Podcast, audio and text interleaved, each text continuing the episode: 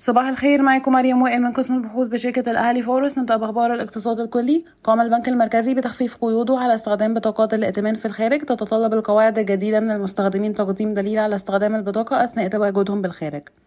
تعكف الحكومة على إعداد مشروع قانون لضريبة الكربون لتقديمه لمجلس النواب. قالت وزارة التخطيط أن شركات القطاع الخاص ستضطر إلى دفع أجور إجمالية للعاملين لا تقل عن 3500 جنيه شهريا اعتبارا من يناير ارتفاعا من 3000 جنيه حاليا. قد يدرج الاتحاد الأوروبي خطة ربط شبكات الكهرباء في اليونان ومصر على قائمة المشاريع ذات الاهتمام المشترك والتي من شأنها أن تساعد المشروع على تأمين الترخيص والتمويل.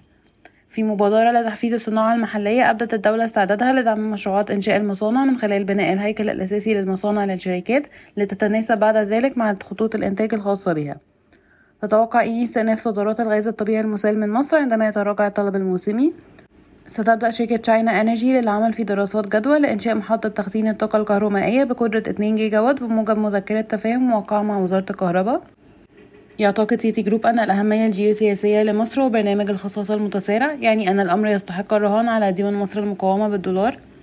سددت مصر 17 مليار و800 مليون دولار أقساط ديون ومدفوعات فوائد خلال فترة التسع شهور من يوليو 2022 إلى مارس 2023 بلغ رصيد الدين الخارجي 165 مليار دولار تقريبا في مارس 2023 بزيادة 6.2% مقارنة بيونيو 2022 انخفضت تكلفة التأمين على الديون السيادية لمصر لعقود استحقاق خمس سنوات إلى 17.5% يوم الخميس من 18.8% يوم الأربع وانخفضت تكلفة التأمين على العقود لأجل عام واحد إلى 15.7% من 20.3% ننتقل لأخبار القطاعات والشركات. وافقت الجمعية العمومية لشركة مصر للألمنيوم على توزيع أرباح نقدية معدلة بقيمة ستة جنيه ونص للسهم بدلا من جنيه للسهم المقترح سابقا للسنة المالية 22 23 وده بيترجم لعائد توزيع أرباح قدره 9.7% ونسبة توزيع أرباح تقريبا 75% قمنا بتعديل القيمة العادلة لسهم مصر للأسمنت قنا إلى 15 جنيه و18 قرش للسهم بدلا من 20 جنيه و17 قرش للسهم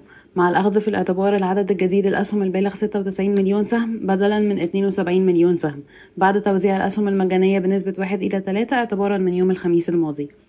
أرسلت شركة القلعة بيانا بخصوص إدراج شركة National Printing التابعة لها. لدى شركة القلعة خطة طويلة الأجل لإدراج عدد من الشركات التابعة لها ويخضع توقيت أي إدراج إلى الحصول على الموافقات اللازمة ووجود ظروف سوق مناسبة. تبحث الشركات التابعة لشركة القلعة في قطاع الطاقة دائما عن الاستثمارات المناسبة لتوسيع أعمالها خاصة في قطاعات الطاقة المتجددة. أعلنت شركة تعليم نتائجها المالية للعام 22-23 والتي أظهرت صافي ربح قدره 299 مليون جنيه بنسبة نمو 30% على أساس سنوي. تسعى مجموعة GFH في البحرين إلى الاستحواذ على مجموعة تعليمية مصرية في إطار اهتمامها بالقطاعات التعليمية واللوجستية والرعاية الصحية بحسب وسائل إعلام محلية. باعت شركة زهراء المعادي للاستثمار والتعمير سبع قطع أراضي صناعية بمساحة 9982 متر مربع مقابل 130 مليون جنيه بواقع 13023 جنيه للمتر أو ربع جنيه للسهم تقريبا. شكرا ويوم سعيد.